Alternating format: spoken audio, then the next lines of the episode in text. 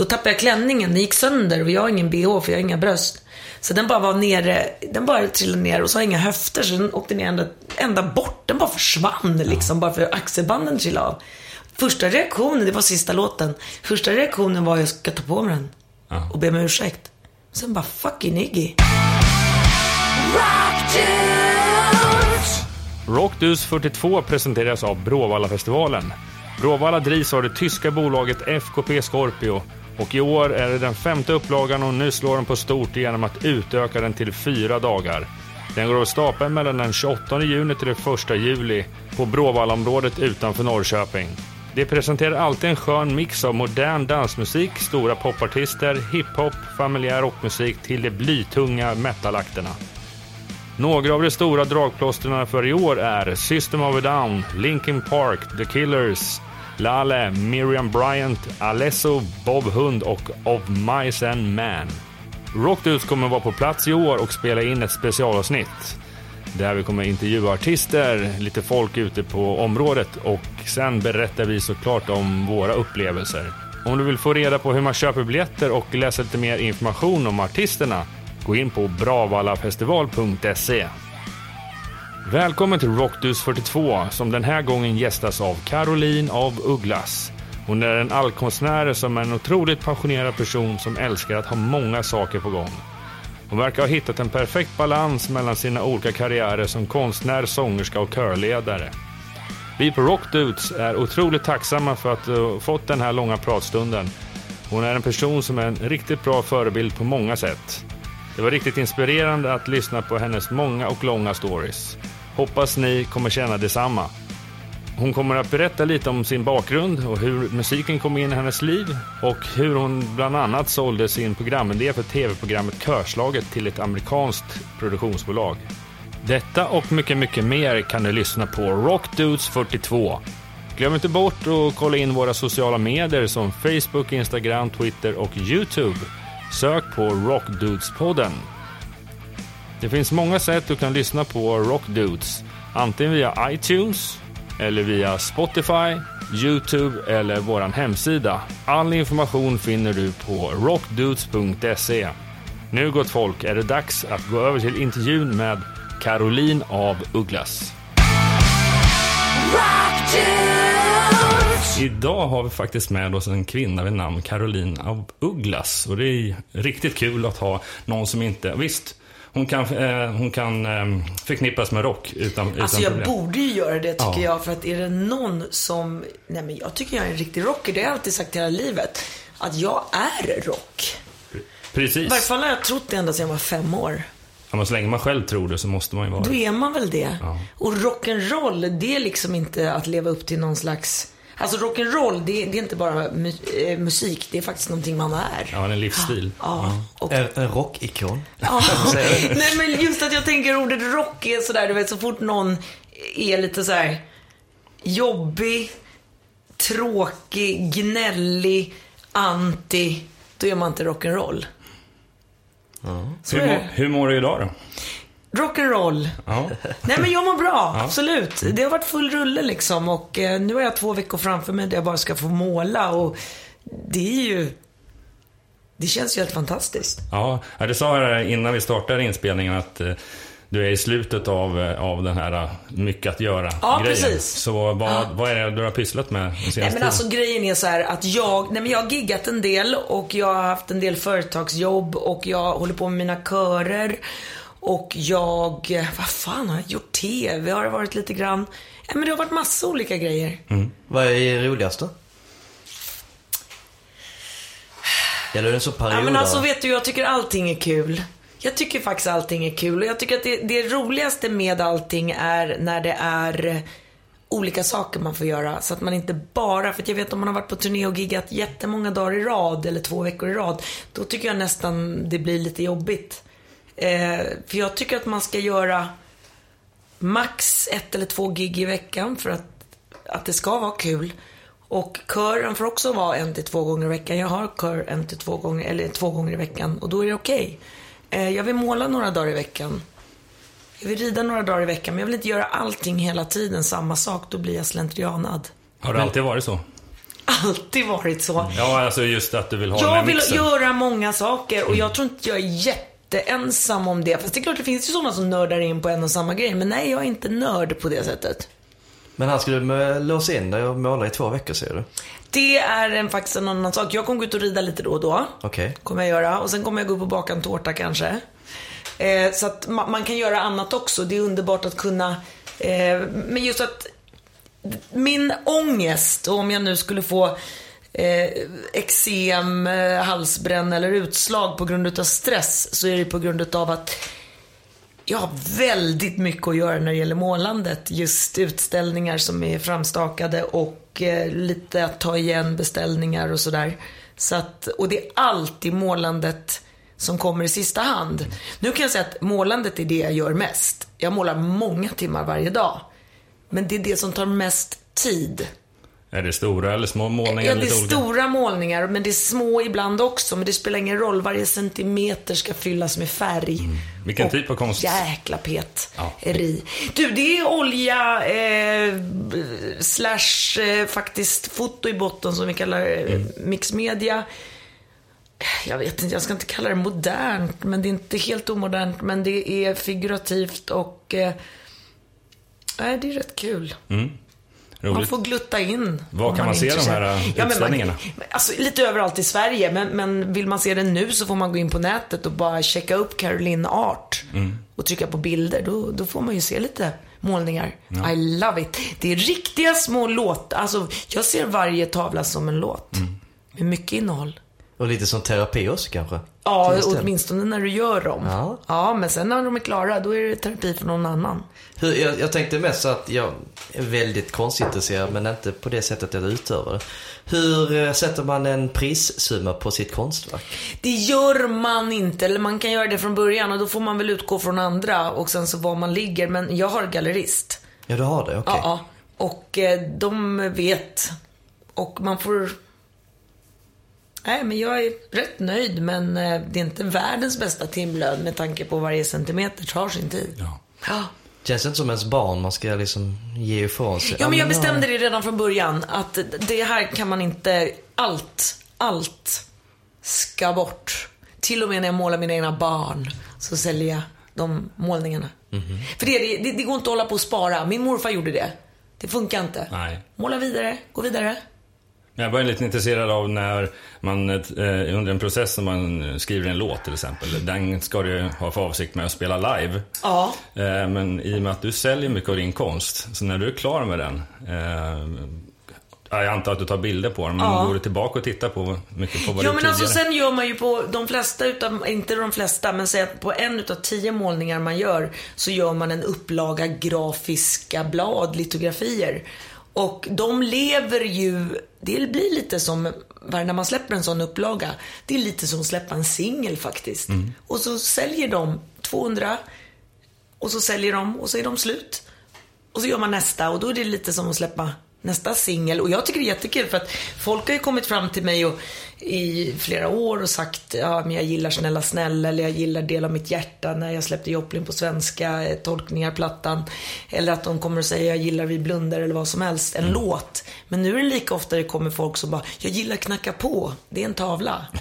Jag gillar eh, Förväntan. Och det tycker jag är jättekul. För att jag har ju titlar på mina målningar. Ja, de, men det är, det alltid så att... Ja, i och för sig, när man tittar på st- riktigt stora konstnärer så heter alltid tavlorna Ja, någonting. de heter något ganska tidigt. De, de heter något eh, nästan eh, när jag bara lägger skissen. Är det, eh, får du hjälp av själva namnet? Ja, vad alltså- du ska göra?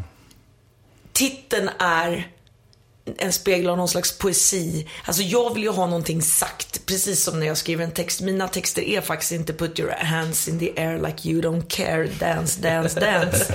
Alltså jag vill ju ha något politiskt att säga. När, och det är faktiskt precis samma med mina tavlor. Att det är ofta en svart bakgrund med något lite vackrare framsida som får någon romantisk... Eh, så att det är lika viktigt för mig som när jag skriver en text. Jag tänkte på ramarna jag säger. Gör de också eller? Eller något du köper Nej, jag har inga ramar. Jaha. Eller, alltså, det har jag ju faktiskt inte metaforiskt i livet heller. Jag vill göra olika saker och jag vill gärna gå utanför ramen. Eh, nej, jag har spännramar. Alltså jag målar på duk. Ibland så låter jag min dukkille spänna upp ramarna innan om man målar på en med ett färdigt slut. Eller så målar jag rakt på en duk. Och så går jag till min ramkille och säger sätt upp. För självklart ska man ha en spännram som man sätter upp. Men sen målar jag på sidorna. Så att de som köper mina tavlor, jag tror inte de flesta, jag tror de flesta inte har en ram. För det är målat på sidan också, så det sticker ut som en fyrkant. Ja, för det är det jag tänkte just komma till. För att när man, för en me- mer amatörmässig konstnär som går på i en affär och köper färdiga canvasdukar. De, Ja. är, de är alltid uppramade. Ja, men på väldigt dålig eh, sån här eh, kilram kan jag säga. Ja. Lite klen, kan gå sönder. Jag tycker den är precis lite för smal för att hänga utan ram. Så då tycker jag att köper man sån, vilket man absolut kan göra och måla, men då ska man nog eh, lite pricken över i fixa en schysst ram också. Ramar är ju fantastiska. Men då ska det ju vara verkligen en ram som säger något. Inga såna här fjuttiga utställningsramar. Nej, för det är det jag antar att man, det är skönt att kanske inte vara begränsad av den fasta storleken. Om man nu har Ja men det är jättebra, liksom. absolut, absolut. Nu är ju ändå begränsat för du har ju inte, duken är ju inte, täcker ju inte hela Sverige utan den får plats i min ateljé och sen så finns den inte, de, de blir aldrig mycket bredare, den ligger ju på rulle liksom. Så, så bred som rullen är, men lång kan den bli. Tänk, det är, det är som ett helt team som vi involverar i eh, den här processen. Du har en gallerist, du har en som spänner ram. Ja men så är det ju, absolut. Men det är ju samma sak som när man gör musik, om vi nu ska släppa konsten som är precis eh, likadan som musiken. Då har man ett skivbolag, eller vad säger ni? Ja. Man har ett förlag. Man har någon som trycker eh, varan, alltså hårdvaran. Man har musiker. Någon som Tekniker. laddar upp det på de digitala Ja, plattformarna. tekniker. Ja, visst. Och sen så har du någon som Biggis, som är PR-agent. Mm. Så att det är många som hjälper till. Hela den artistiska branschen är lite uppbyggd på att det ska vara team. Ja men absolut, man, man kan inte göra allting själv. Nej. Och så där är väl liksom framgång överhuvudtaget. Det är rätt människor, det säger ju vem som helst. Ja, man blir ju så här, eh, inte beroende av andras, men eh, man blir en del av eh, allting kan man säga. Absolut. Och det är ju underbart att det är så. Det är så kul. Kan man få in intryck också, vilket i sin tur gör att man blir så originell och Ja, blir sin egen. ja absolut. Det känns ju verkligen som att du har hållit på med artistiskt, i någon artistisk form i hela ditt liv. Men har du något minne av när du antingen började måla eller sjunga eller? Ja, jag har det. Jag har ganska fasta minnen faktiskt. Ganska, jag vet inte om alla har det, men eh, när jag började sjunga var när eh, jag, jag var 14 och var i Spanien en sommar och eh, abblade espanjol i en skola och så bodde vi tillsammans och var en kvinna som jag då tyckte var en kvinna, nästan en tant. Hon var 35 år. Som vi bodde tillsammans. Hon var astrevlig. Vi hängde med henne massor. Jag sjöng på taket och eh, vid kylskåpet och i badrummet och gatan upp och gatan ner och i Medelhavet. Och sen så fick jag en platta med Janis Joplin Anthology, alltså tre plattor, hela samlingen. Så sa hon, gå hem och lyssna på det här Caroline, för du sjunger precis som hon bara så du vet. Jag visste inte vem Joplin var. Men jag gick hem och jag lyssnade. Och sen startade jag band två veckor senare för att jag bara lärde mig alla låtar och bara, ah, det är skitkul. Att just att det här är ju precis mitt uttryck. Och sen spelade jag på det och sen har jag gjort Joplin på svenska då och släppte det och sen, men, men innan dess så la jag det där i en byrå och gjorde egna låtar och släppte tre plattor. Fyra? Tre? Jag vet inte ens längre. Eh, och sen så samma sak med målningen så kommer jag ihåg. Jag var på semester i Skåne hos en familj med en släkting så hade hon målat en så jäkla snygg häst. Jag blev så fruktansvärt imponerad. Hon sprang omkring med den här teckningen. Och då bestämde jag mig utan att jag visste det att jag ska göra en häst när jag kommer hem också och jag ska fan göra den bättre. Jag kommer inte ihåg om jag var tio eller jag kanske sa något nyss, jag har ingen aning för jag är sån. Men eh, jag gick hem och jag målade och jag målade så jävla mycket bättre. Jag vet det, för jag hade skuggor och jag hade scenor och allting. Och jag satt ju säkert en vecka med att måla ett A4. Men gjorde du på helt egen hand och inte hade lärt dig det från någon, Jag någon annan eller? målade av, som det heter. Jag hade en bild bredvid. Det gör jag fortfarande jättemycket, att man har bilder och man inspireras och man tar upp med mobilen och man fixar. Så att det är ju inget konstigt alls. Man är ju en slags kamera. Men då är det bevis på att du ändå hade Ja men absolut. Och sen, ja, men sen var ju min morfar eh, konstnär och så. Mm. Jag vet att jag senare också lyssnade på lektionerna.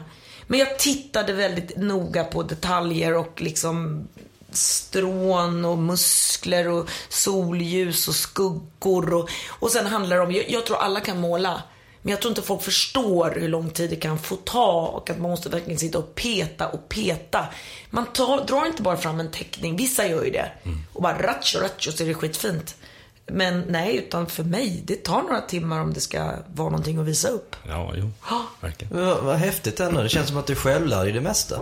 Du har inte Jag är autodidakt, men alltså jag lyssnade lite på, jag, jag lyssnar på folk, men jag är självlärd. Men alltså, jag tror alla är självlärda egentligen. Det är, ju ingen kan lära dig, alltså man kan ge tips, kan man göra. Men i slutändan, för att hitta eget uttryck, så måste man hålla på. Och det, det är ingenting, det kommer av sig själv. Den här utvecklingen, om man tittar på mina målningar från första början när jag var 20 och om man tittar på det nu, om man tittar på min musik när jag var 20 och om man tittar på det nu, så händer det ju förändringar. Och det är inte någon som har sagt till mig, nu är det dags.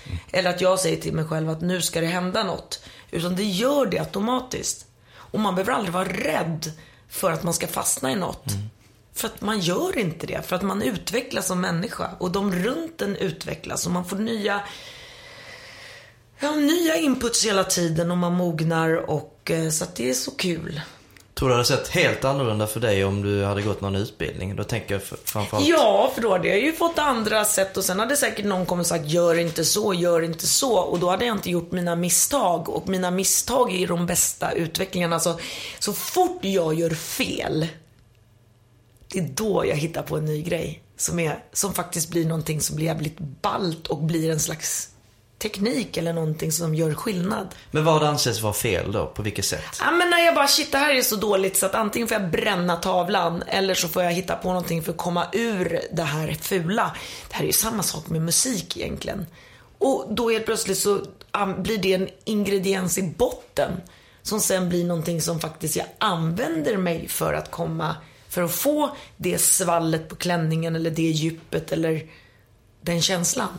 Du Som- bränner en tavla och noter på samma gång. Lite grann. Det är ju så. Alltså det är ju väldigt samma sak. Och sen att våga. Och det är samma sak när du spelar eh, instrument eller när du sjunger. Det är så jag, jag, jag sjunger ju inte safe om man säger så. Jag är inte, jag skulle aldrig få jobb som Lucia. Jag har aldrig fått för att jag sjunger inte klart. Jag sjunger inte vackert. Det är attityd. Och sen är det så att jag hela tiden när jag sjunger så letar jag i kanterna och det kan gå åt helvete. Men det är de artisterna jag gillar när det är ute på kanterna så att man sitter och är så här. Man är rädd, men de klarar det. För de är hela tiden ute och, och det är samma sak tycker jag med dans. Det är jävligt cool när man trillar åt vänster. Och så safear du upp, det där var meningen. Och så gör du exakt samma move till höger. Ja. Det är exakt samma sak i konsten. För att skapa balans. Det är exakt samma sak i dansen. Det är exakt samma sak i musiken.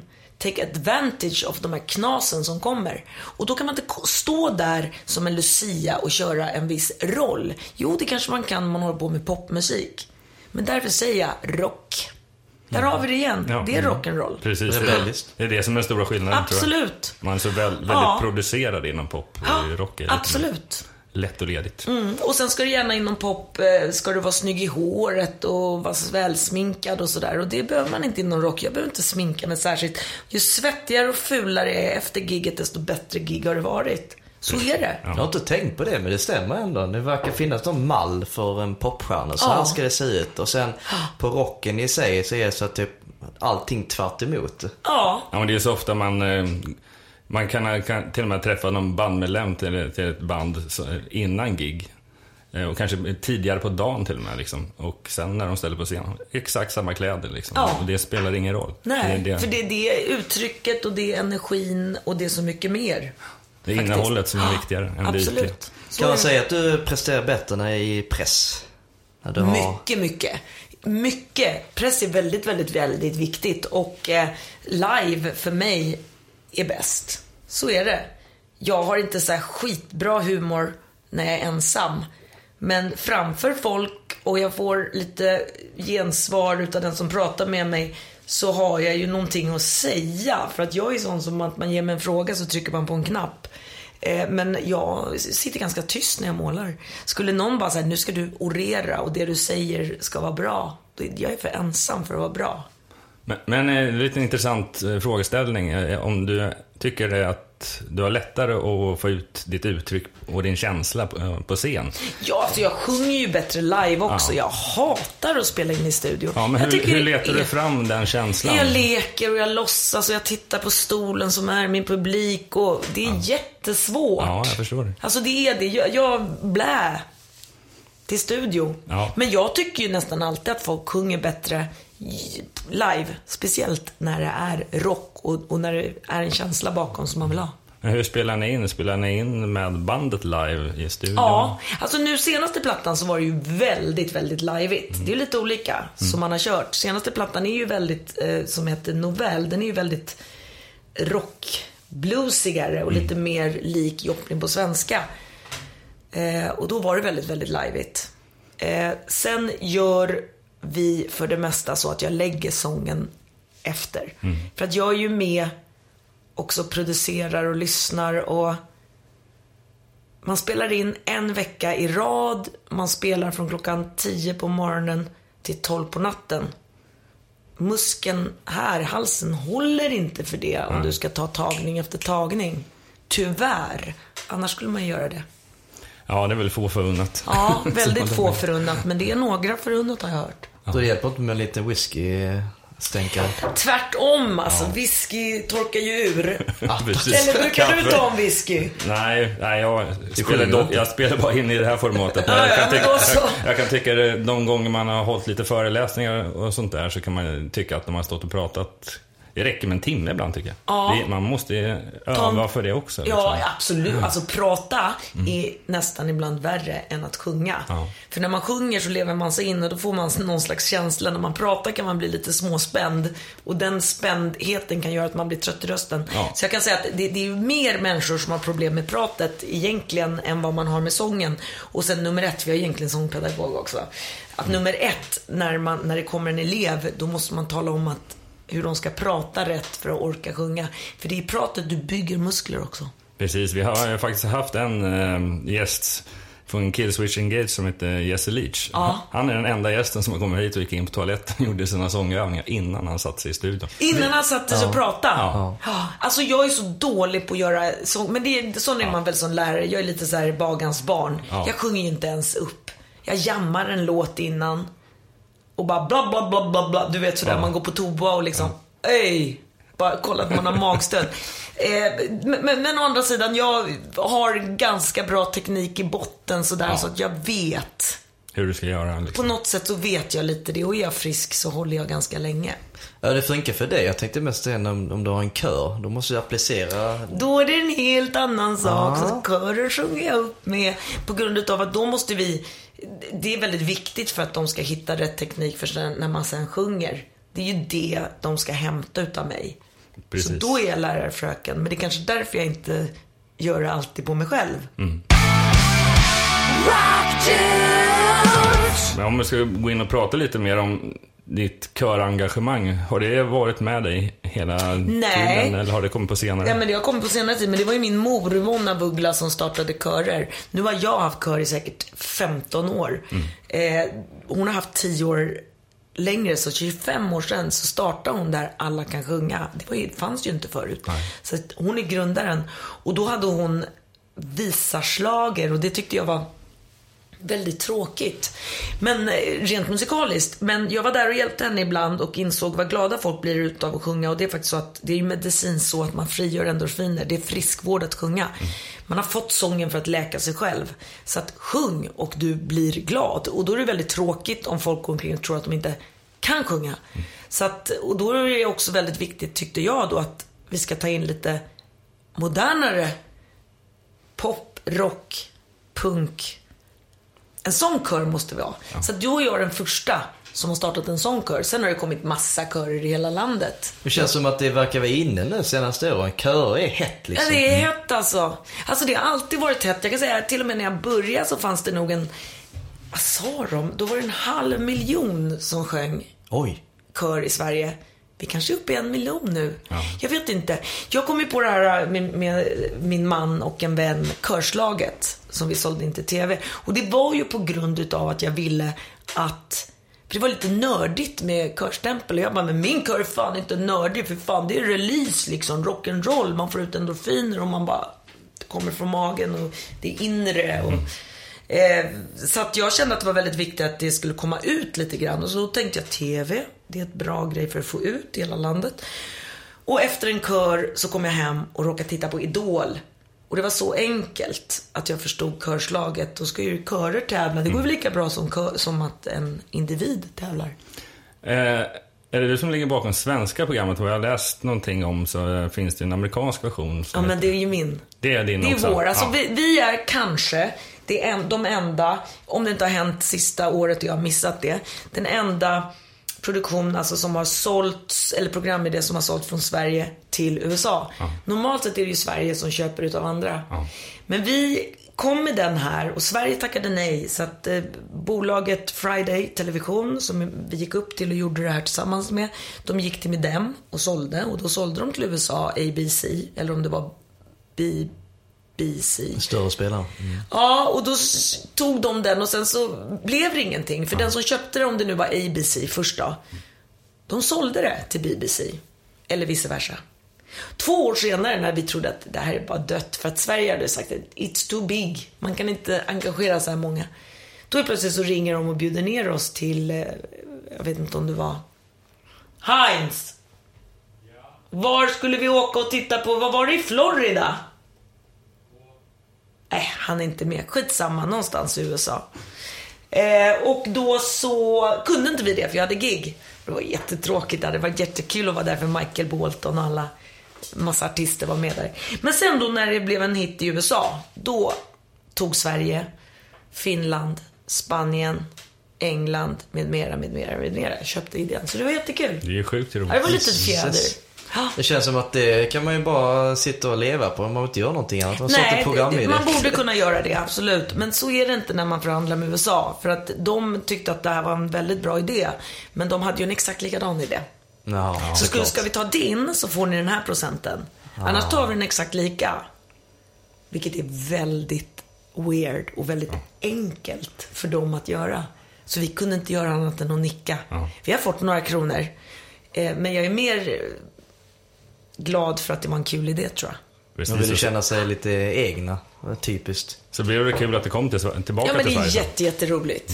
Ja, Men hur involverad i själva produktionen har du varit? inte där? det minsta. Inte det minsta. Självklart var jag med Ja. en gång. Det var inte så att jag tackade nej. När de Nej, frågade precis. mig. Nej. Det kändes naturligt. Så jag var med någon gång ganska i början. Ja. Jag, sitter att tänkte på det här nu i och med att uh, körer och hela programidén, att du lyfter fram det.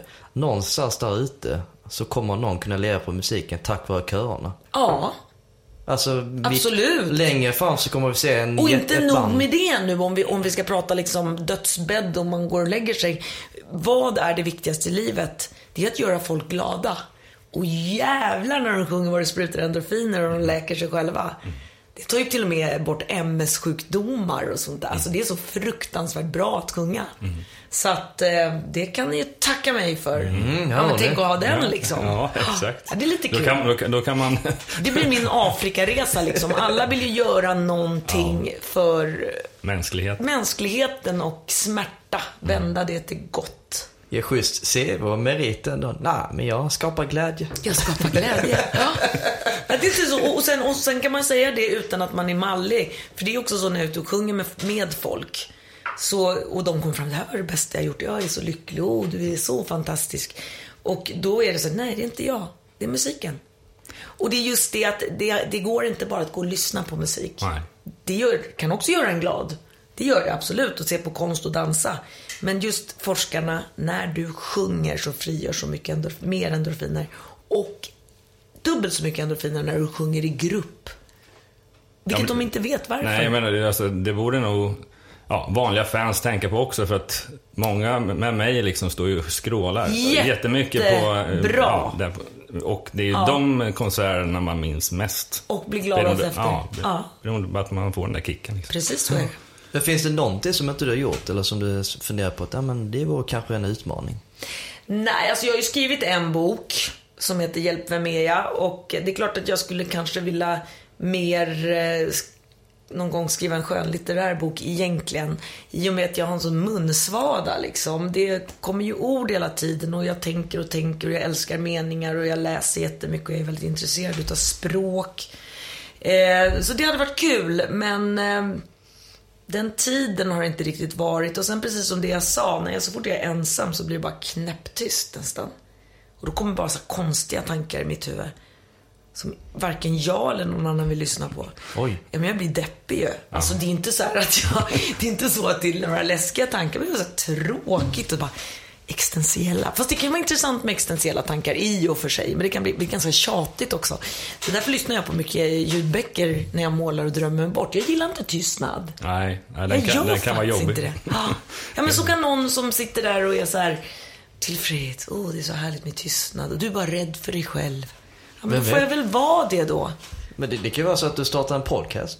Där du pratar med folk. Ja, men alltså grejen är, det är klart att jag borde göra det. Och jag har väl det på, egentligen, jag säger det varje gång jag är med på en podd. Vi ska starta en podd brukar vi säga Jaha. tillsammans. Ja men just att de, bara för att jag pratar hela tiden. Så det går jättebra att starta en podd med mig. Alltså det blir inte tyst sådär. Eh, men det gäller ju också att jag ska måla och jag ska, det finns så många andra som pratar så bra. Så att jag har ju redan målningen och musiken och köreriet men eh, Är du ute och föreläser någonting? Absolut. Vad handlar det Nej, om? det handlar om musik, alltså, eller sjunger. Då sjunger jag med folk. Jag sitter inte och säger hur man ska vara, utan jag säger hur man ska sjunga. Och samtidigt så sjunger vi tillsammans och blir vi glada. Alltså, det blir teambuilding kan man säga.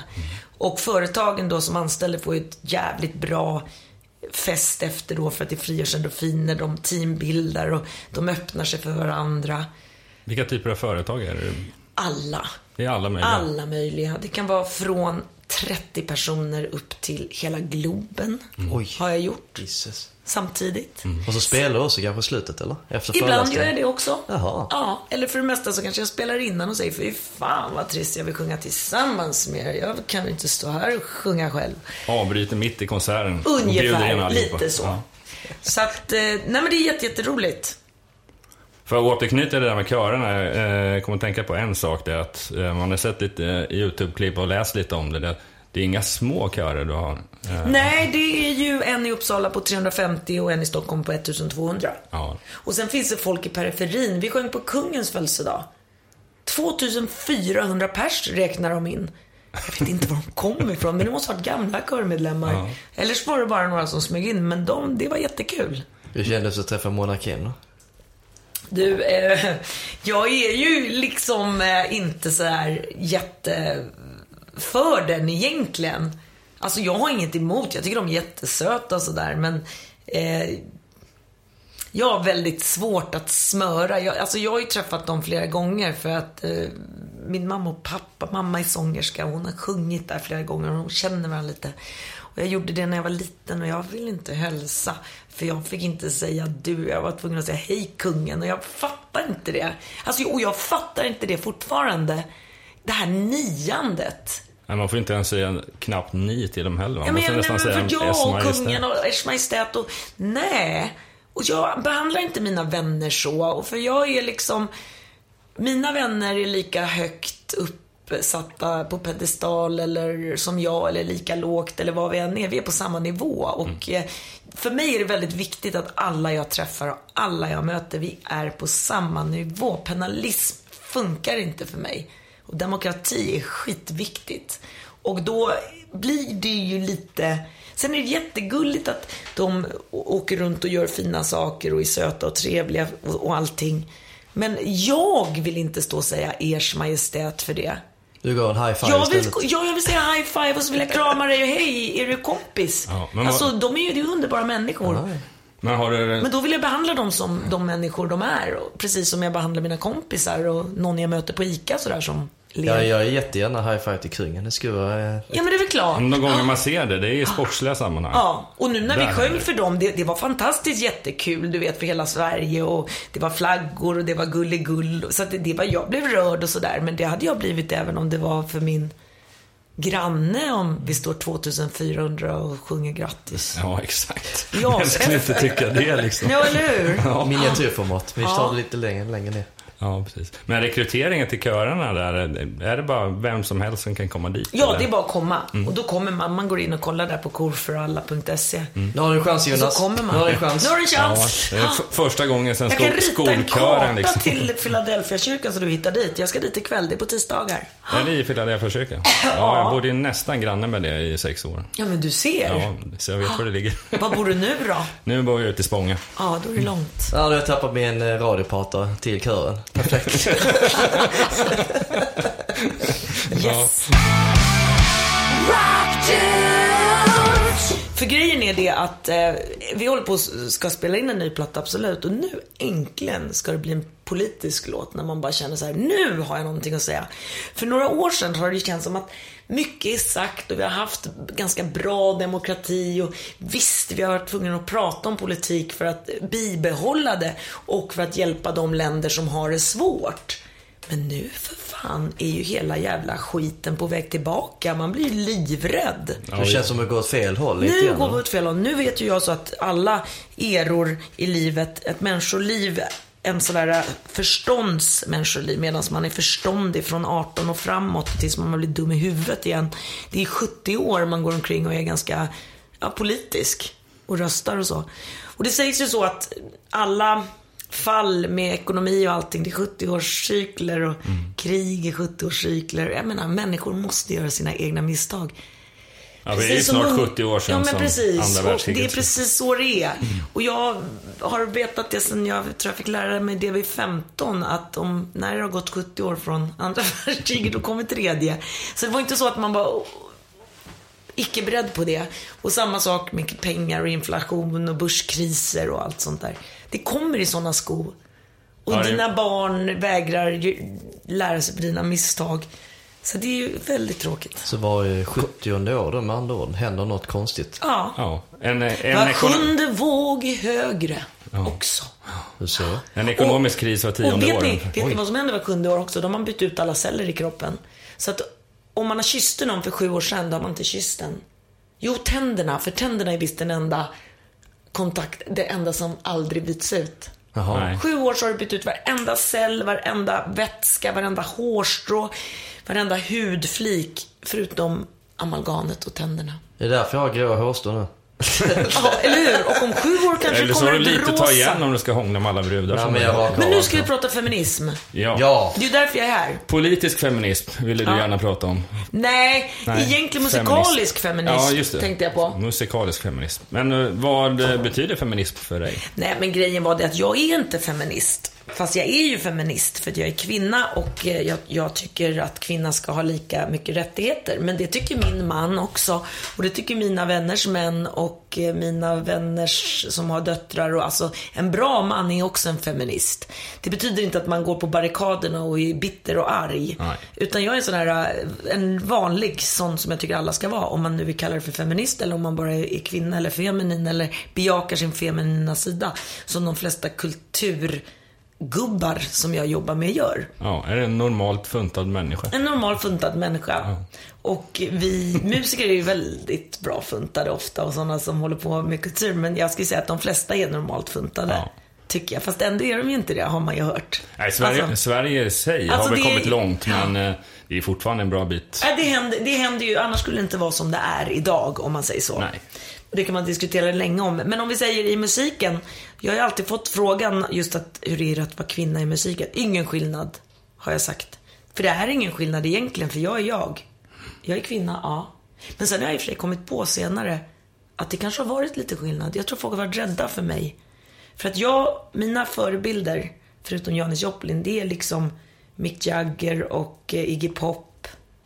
Och eh, David Bowie och olika, nu kanske David Bowie inte är den maskulinaste, men om vi säger Mick Jagger och Iggy Pop framförallt. Ja. Det är liksom, det har varit mina största förebilder. Jag bara, I'm Iggy. Och det är klart att det inte är så jävla sexigt alla gånger kanske. Och jag tror, så för jag har alltid fått höra att hon är på droger, hon är konstig. Eh, Och det kanske inte har varit så bra. Så rent karriärsmässigt så har det nog legat mig i fatet att jag är så eh, maskulin. Ja. Men, Ehm. men det har du kommit på på senare år? Jag kommer eller? på det på senare, men jag tänker inte kompromissa med det. För jag tror, ändå det, jag tror ändå någonstans, så underground som jag är, så har det varit min styrka. Och det är väl det som folk också kanske ser. Ja, men hon är bra, hon är stark, hon är feminist. Just för att hon vågar stå för att en kvinna behöver inte gå på allt det där. Nej, precis. Nej. Det har både legat i fatet, men det måste också varit en fördel också. Ja, men jag tror det också. Någonstans. Men rent, rent sådär, det är klart att jag kan ha skrämt bort många. För att jag har ju alltid varit så att om jag vill förmedla någonting, om jag ska vara Iggy, då är inte jag bara Iggy, då är jag Iggy gånger tio. Precis. Och då blir jag galen i andra människors ögon. Lite Ja. grann. Men ändå är det som artist ska man ju vara unik för att då Ja. Komma fram någonstans. Liksom. Absolut. Och Den svenska versionen av Iggy. Ja, det finns nog mycket likheter sceniskt. Ja, det gör ju det. Och det liksom, ja, det, mitt bästa gig var ju en gång i Västerås i, kul, vad heter det, kul, heter det kultur, nej, kulturhuset, nej, nej, det heter något annat. Något ställe. Nej men du vet. eh, Konserthuset. Nej, konserthuset, precis. Där det ska vara lite candlelight. Då tappade jag klänningen, den gick sönder och jag har ingen bh för jag har inga bröst. Så den bara var nere, den bara trillade ner och så har jag inga höfter så den åkte ner ända, ända bort. Den bara försvann liksom, bara för axelbanden trillade av. Första reaktionen, det var sista låten. Första reaktionen var jag ska ta på mig den. Ja. Och be om ursäkt. Sen bara fucking Iggy. Ja, precis. I had this gig and this moment som jag aldrig kommer glömma. Jag sjöng en hel låt i trosor liksom. Ja. Iggy. Ja. Det är underbart. Han gör det varje gig liksom. Ja. Så att, Och jag skulle låt egentligen gärna vilja göra det för det skulle kännas jätteäkta. Ja, det var Bobby McGee. Joplin på svenska, svenska versionen. Ja, Jag tänkte det. på det. Tatueringarna. Återspeglar Ja. en del av eh, feministiska Ja, uttryck det kanske. kan man, alltså den här, här snubblar man är, är väl lite, eller den är ju politisk eh, på så sätt att samhället sätter upp skyltar vad man ska göra och var man ska gå. Om vi ska beskriva den så ser det ut som ett övergångsställe. ja, här går man. Ja, och man är Fast- tillrättavisad. Och, men den här killen som går snubblar. Och det betyder att, det är inte så jävla lätt, man gör fel ibland, man reser sig. Och, men dessutom kanske det betyder att man kanske inte alltid väljer att gå där skylten är. Det får man välja också. För det kan gå jävligt bra att gå någon annanstans också. Och det kan faktiskt till och med skapa en bra debatt. Och då, då helt plötsligt är vi feministiska. Om vi nu gör något som kanske en kvinna inte ska göra och så gör du det och så ser andra att det gick bra och då har man gjort något stort. Ja, man får ju alltid reaktioner om man går över vägen när någon annan bil ska köra förbi. Man får ju rätt arga blickar på sig. Ja, och nu får vi inte ta det på den att det just handlar om att man går på fel ställe så att man Nej. utsätter någon för att döda en själv. Utan nu tänker jag mer att man trampar upp en stig som inte är upptrampad som gör att det förenklar. Det där pratade jag faktiskt med någon som höll på med stadsarkitektur. Ja. Om att ibland så såg han till att strunta i att göra gångvägar. Han ville se var folk vill gå någonstans och sen byggde de en väg där. Vad kul! Ja, så det finns ju de som tänker Ja. efter när det gäller det. Ja, det är jävligt Ja. intressant. Det jobbiga är liksom om folket väljer att gå mitt i rondellen och, och blir så här platta. Ja, men det är det som är så förundrande ändå med en rondell där vi sitter, inte alls långt ifrån, som heter Vanadisrondellen. Ja. Den måste vara en av de Stockholmsrondeller som har flest övergångsställen i rondellen. Är det så? Ja, alltså man, man kommer in med bilen. Man kommer in fem meter. Ska man första, stanna i rondellen Ja, då? Det ska du göra om det är någon som går över det. Det är jättekonstigt. Ja, är det apropå. Det är väldigt konstigt. Jag tror Ja. inte man hade övergångsställen i rondellen. Nej, man brukar ha det i samband med u- in och utfarterna. Liksom. Men just i det här fallet så finns det flera. Jättekonstigt. Vi får fråga Trafikverket vad planen är där. Ja. Sen har du någonting annat som återspeglas på andra armen. Men det är nog den där killen som har satt ut de övergångsställena för det var där folket gick, eller ja, det måste vara samma Det är kille. där vi ja, har det. Jag får gå Ja. tillbaka till honom. Så är det. Sen har en clownnäsa ja, som Mm. du sitter och pekar på nu. Nej, jag pekar inte. Jag tittar. Jag Ja, beundrar. clownnäsa, den har jag med mig hela tiden och den är... Alla har vi en clownnäsa. Vet Har vi man... det? Ja. Vet man inte om det kan man heller inte ta den av sig. Förstår du den? Mm, jag börjar få en liten sån inblick Så att visst har du en clownnäsa. En ganska stor clown. Alltså gre- ja, grejen är att man ska ha, det är inte negativt bara att ha en clownnäsa. Det kan vara negativt om man inte vet hur man tar den av sig, om man inte kan möta någon just på en äkta nivå. Men däremot är det jättebra att ha en clownnäsa för att om man ska jobba mycket eller gå och handla fast man är deprimerad eller man har en dålig period eller någonting. Då sätter du på den och du sköter ditt jobb. Dessutom sätter du på den och du är trevlig. För att jag håller på i till exempel i ett stall, där som ett exempel, i ett kollektiv. Där kanske man ska få vara sig själv, det är inte jobbet. Nej. Men är jag på dåligt humör, jag tänker inte gå omkring och vara otrevlig mot mina stallkamrater. Det finns faktiskt sådana i mitt stall som när de har en dålig dag så går de och fräser och är otrevliga. Och sen frågar man hur är det? "Hej, Och jag har mens och. Och man bara, men jaha, sätt på dig clownnäsan och så kan du gå hem och grina in i kudden. Jag, för jag tycker ändå att man ska vara trevlig mot andra för att du sänker ju en annan människa som inte är mitt i perioden genom att vara Ja, för jävla helt- sur själv. Helt sant. Jag tänkte, då- jag tänkte på något helt annat. Jag tänkte på den här uh, hysterin angående folk som klädde ut sig till galna Ja och skrämde gud, folk. vad hemskt det är. Ja. Fortsätter de? Ja, det verkar vara ganska stort på sociala medier, på Facebook slutar rent av folk skrämde. Men det var så en löpeld. Det, liksom, det kom utifrån från USA och sen hamnade här i Sverige. Men det blev så flera fall där folk ringde in till snuten och farbror blå och bara... Ja men min son var ju jätterädd. Han bara, jag kan inte gå ut, det finns en clown. Och jag blev ju såhär, bara shit, jag ska ju precis ha utställning då och jag målar clownnäsor på allting. För jag tycker de är väldigt eh, vackra och röda. Ja, ja. Det är sån. Härliga frukter liksom. Det är skillnad på den här Det-figuren, den Ja. gamla filmen, och eh, clownen Manne till exempel. Ja men en absolut. Så att, men jag kommer just ihåg. Mm. Och sen så skulle vi göra en mössa till kören. Så skulle vi ha en sån här clown, en grej, bara för att alla skulle, som en kul grej, Mm. skulle vi sätta en clownnäsa på. Och då var det en massa, vi kan inte ha en clownnäsa, då kommer vi bli nedslagna.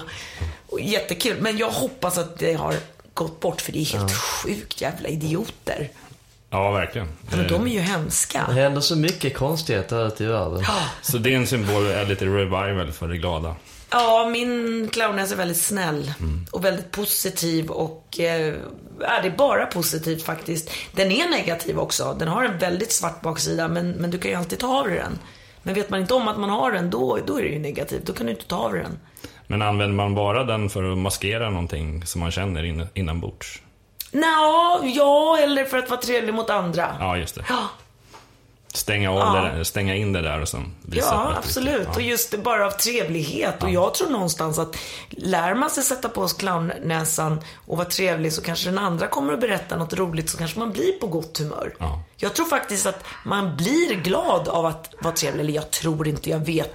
För det är nämligen så här, när man ler, då tror kroppen rent endorfinmässigt. Prova det, jag sitter och här skitmycket. Så ska du få se man blir faktiskt glad och avslappnad.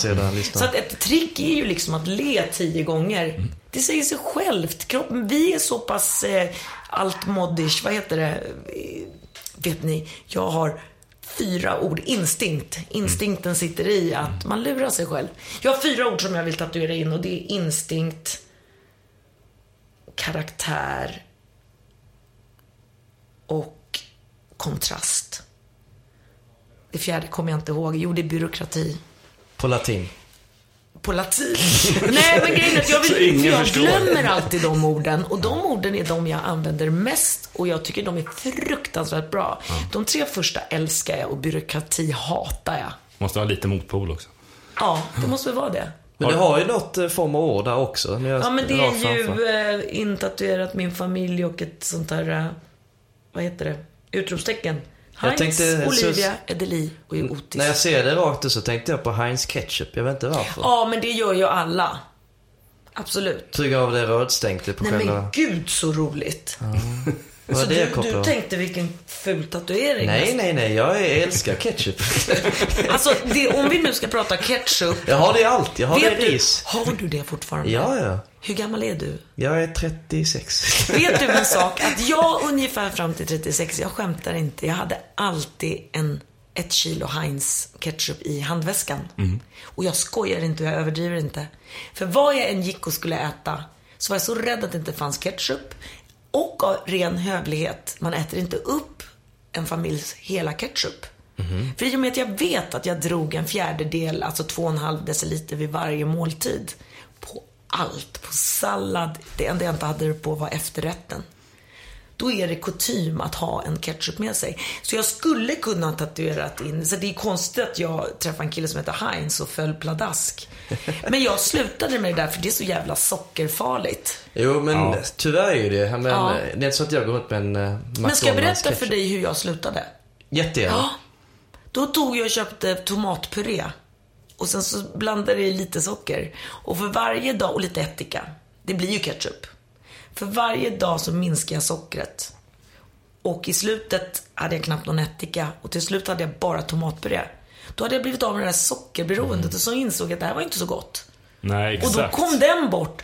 Och nu, jag skulle aldrig sätta ketchup på något. Och jag har fått en helt annan... Nu har jag börjat älska mat. Det gjorde inte jag. Det var inte lika viktigt förut. Det var mer kvantitet när jag var yngre. Jag ville bli mätt. Och mycket ketchup och parmesanost. Ja, det men blir lite cover-up. Ja, Det blir lite ja men det cover-up är lite cover-up. Medan nu är det ju så här, jag kan sitta med små saker. Jag vill gå på Guide Michelin-restauranger och folk som lagar mat. Alltså det är en sån konstart och det är så kulinariskt i munnen och jag blir så upphetsad. Åh, vad gott det är. Ja, men so- socker är verkligen boven. Det tänker Ja, det man är inte. en livsfarlig grej. Jag testade Största en... eh, beroendet vi har. Ja, tyvärr är det. Jag gjorde en sån här detox bara för skojs skull. För att se hur kroppen mäktar av. För att jag är så här Coca-Cola-beroende till viss Ja. del. Och framförallt en viss sort vanilj. Coca-Cola. Och Så- fy! Jo, det är ännu värre. Ja. Han är ensam i världen. Ja, det är det faktiskt Det känns-. Eller Men i- i och med att du dricker så mycket så finns den fortfarande i tillverkning. Ja, det gör Ja. det tydligen. Rakt över gatan där jag bor. Ja. Men, jag eh, ignorerar helt och hållet eh, Coca-Cola i eh, två veckor. Och de två första dagarna märkte jag att man blev lite grinig och irritationstyp på hög nivå. Men jag kämpade igenom dem och klarade mig i två veckor. Men sen märkte jag däremot att jag skulle ta en en Återställare. klunk, en återställare. Det smakar så äckligt. Det är, alltså kroppen är vant sig att få ut de här toxinerna och men lik förbannat så hade jag det någonting mentalt så att jag ville ändå dricka. Så det tog mig nog två dagar ytterligare för att komma tillbaka i systemet. Men Ja, det där har hänt mig många gånger. Jag kan säga att jag har också varit Coca-Cola-beroende. Jag drack två liter om dagen. Också. Så att jag har ju verkligen varit socker, socker, socker. Men det har jag också slutat med. Jag tror det är, det är någonting i skallen som gör att man tänker, det är som, som att man tar en öl. Ja men jag är så sugen på en cigarett. Ja, Men absolut. vad, vad är det som gör att kroppen reagerar på det sättet? Eller är det Den sitter lägger ihop Nej, men det är vanor. Det är, Ja. det är absolut inlärt beteende. dåliga vanor? Det är därför det är så Ja. svårt också när man eh, gör sig av med beroende. Man man, det tar ju bara två veckor för kroppen att ställa om sig. Absolut. Men sen är det ett livslångt projekt. Jag slutade snusa. Första barnet jag födde så la jag ner och så hade jag ett uppehåll mellan två prillor kan man säga graviditeten. Sen så direkt när jag slutade amma så bara proppade jag hela munnen full. Och sen fortsatte jag snusa. Och så mitt andra barn när jag var 36 slutade snusa. 36, det är åtta år sedan. Ja, jag är 44. Och jag går fortfarande omkring dagligen. 30% av min tid med tuggummi här uppe och låtsas att jag snusar. Och när det är fest, då köper jag Onico. Vilket jag tycker är helt hemskt att jag går och betalar för något som inte ens är något. Jag får inte ens en nicokick. En placebo liksom. Så att jag är, fort, jag är helt fast vid snusandet. Fortfarande. Det ska bara kännas någonting som är på överläppen helt enkelt. Ja, jag hade uppehåll i nio år tror jag. Varför började det igen då? Ja, det var i samband med min eh, pappa gick bort faktiskt. Ja. Eh, Så det var en sån händelse, sen har jag suttit fast. Nu ska jag tala om för dig och för er alla andra som lyssnar och har dåligt samvete. Att jag är nästan på G att börja igen för det ska ju vara så nyttigt. Ja. Inte att röka, men att snusa. För det tar bort Alzheimers. Det är kanske inte världens bästa för hjärtat. Men det, inga, det finns inga superbevis på att det är skitfarligt. Det finns inte mer belägg på att man får cancer, för jag har faktiskt koll på sånt här. Min man snusar. Så att, och just den där Alzheimer-grejen och den här vakenhetsgrejen som är positiv gör att jag skulle egentligen vilja börja. Men jag tänker inte göra det, för jag tycker det är dyrt. Ja, väldigt. det finns... Ja. Det finns, men det är- det är ju helt finns lite sjukt. olika grader. Men nu finns det ju så här eh, speciellt anpassat snus för kvinnor. Och sen finns det en anledning till faktiskt, för det torkar ut slemhinnan. Jag kan inte som sångerska. Ja, det är ju inte bra. Nej, det är inte det- bra. Men när jag slutar hålla på med jättemycket musik kanske jag börjar snusa, vem vet? kan Det bli finns en, peri- kan bli en periodare.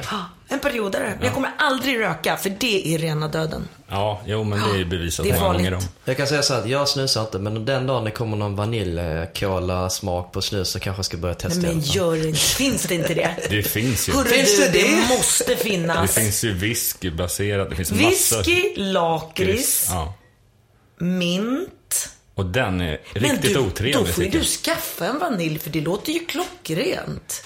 Du har, Kan inte gå du, via det? Ska vi sälja in det till någon tillverkare? men du har ju till och med kontakter med något snusbolag som har massa smaksatta Ja. snusor. Ja, men det är du inte så dumt. du, du, du börjar med att gå och köpa sånt där vaniljpulver på ICA, Konsum. Eh, Du vet sån där brunt, Ja. färskt. Ja. Strö lite i. And try it. Och lite ättika till. Även kan, du kan skita i pulvret. Du kan även köpa vaniljextrakt. Och det är ju sockerfritt. Det är äkta vaniljextrakt. Häll lite på snuset. Caroline Ja, mitt beroende. Sen går du upp till, eh, till ett snusbolag eller till någon som ska göra det och bjuder på en prilla. Ja, det där måste ju... Ja, det har ju, man det har ju inte så sålt dumt. snus i USA, så det kanske Och du vet, du kan göra. Onico med den smaken också. Vanilj skulle... Det är många som tycker om. Det finns onyttigt i hela världen. Jag vill gärna hålla på med onyttigheter som man blir glad av. Jag ska skratta mer, har jag märkt. Den här clownnäsan ska på. Ja, och nu börjar han prata droger. Nej, Nej, nej, jag skojar bara. Oj, oj, oj. Nu går vi hem. Nu stänger vi av. Vi har strax kommit till slutet, men eh, vad ser du själv hålla på med om fem år? Ja, men det är samma sak. Jag tror faktiskt om du frågade för tio år sedan, då kanske jag skulle kunna sagt något annat. Nej, det skulle jag inte kunna göra. Men det skulle vara kul att kunna säga något annat, men eh, jag trivs rätt bra. Skulle jag få någon sån här knäpp att jag byter, då, är, då vill jag bli psykolog. Men det kan ju lätt hända. Eller doktor, men det är fan, jag orkar inte plugga. Men du behöver den här balansen med olika saker också, eller? Ja, och sen är det så att jag är väldigt intresserad utav människors eh, väl och ve och sen så är jag väldigt intresserad utav sjukdomar. Så det kallas för hypokondri, men du anar inte vad receptiv man är när man läser på nätet. Det är därför jag kan så många konstiga saker. Ja. Men måste man Ska jag berätta en grej som är jättebra att veta, med, eftersom cancer är så stor. När man åker in och tar cancerprov, vilket många gör på olika ställen, man har en knöl eller man har någonting. Då tar de ofta bara ett prov och så kollar de om det är negativ eller positiv. Men varje cancer består utav 50% positiv och 50% negativ vävnad. Så man ska alltid tvinga doktorn att ta tre för att göra en utslag. ja, just det. Ja, för jag har faktiskt flera vänner som har fått, nej det är inte cancer. Och sen har det växt och sen har de nästan dött. Men vad är anledningen till att de eh, skiter i eller bryr sig inte om att ta tre prover? Jag Bara ett? vet inte och jag kommer ihåg när jag hade någon knöl och skulle gå och göra en sån grej och jag sa tre prover. Nej. Tre prover, annars är det så här. Och så berättade jag allt det här med negativ och då skrattade de, fan vad du har läst på. Och så tog de tre prover. Men då var jag trygg. Men det måste ju vara en kostnadsgrej. eller Det Ja, men det är klart att det är. Men vet du, det är en större kostnadsgrej att gå hem och tro att man är frisk och komma tillbaka med en apelsin som fortfarande innan var stor som en ärta. Ja, exakt. Så att någonstans så tror jag att man tjänar in på det.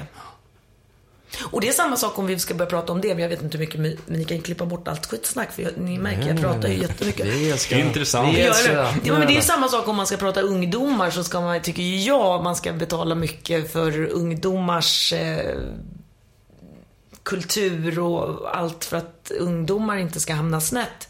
För att skiter man i ungdomarna och bara hjälper de äldre, då hamnar ju de, då kommer det en ny generation som man ska liksom börja på botten. Så att jag värnar väldigt mycket för att man måste jobba för barn och ungdom. Kultur. Kultur. Det var en jättebra avslutning, Ja. skulle jag säga. Det tycker jag vi sammanfattar det hela. Kultur är det nya svarta. Ja, Caroline, tack så hemskt mycket för att du fick komma förbi. Tack så mycket. prata tack för att jag fick komma.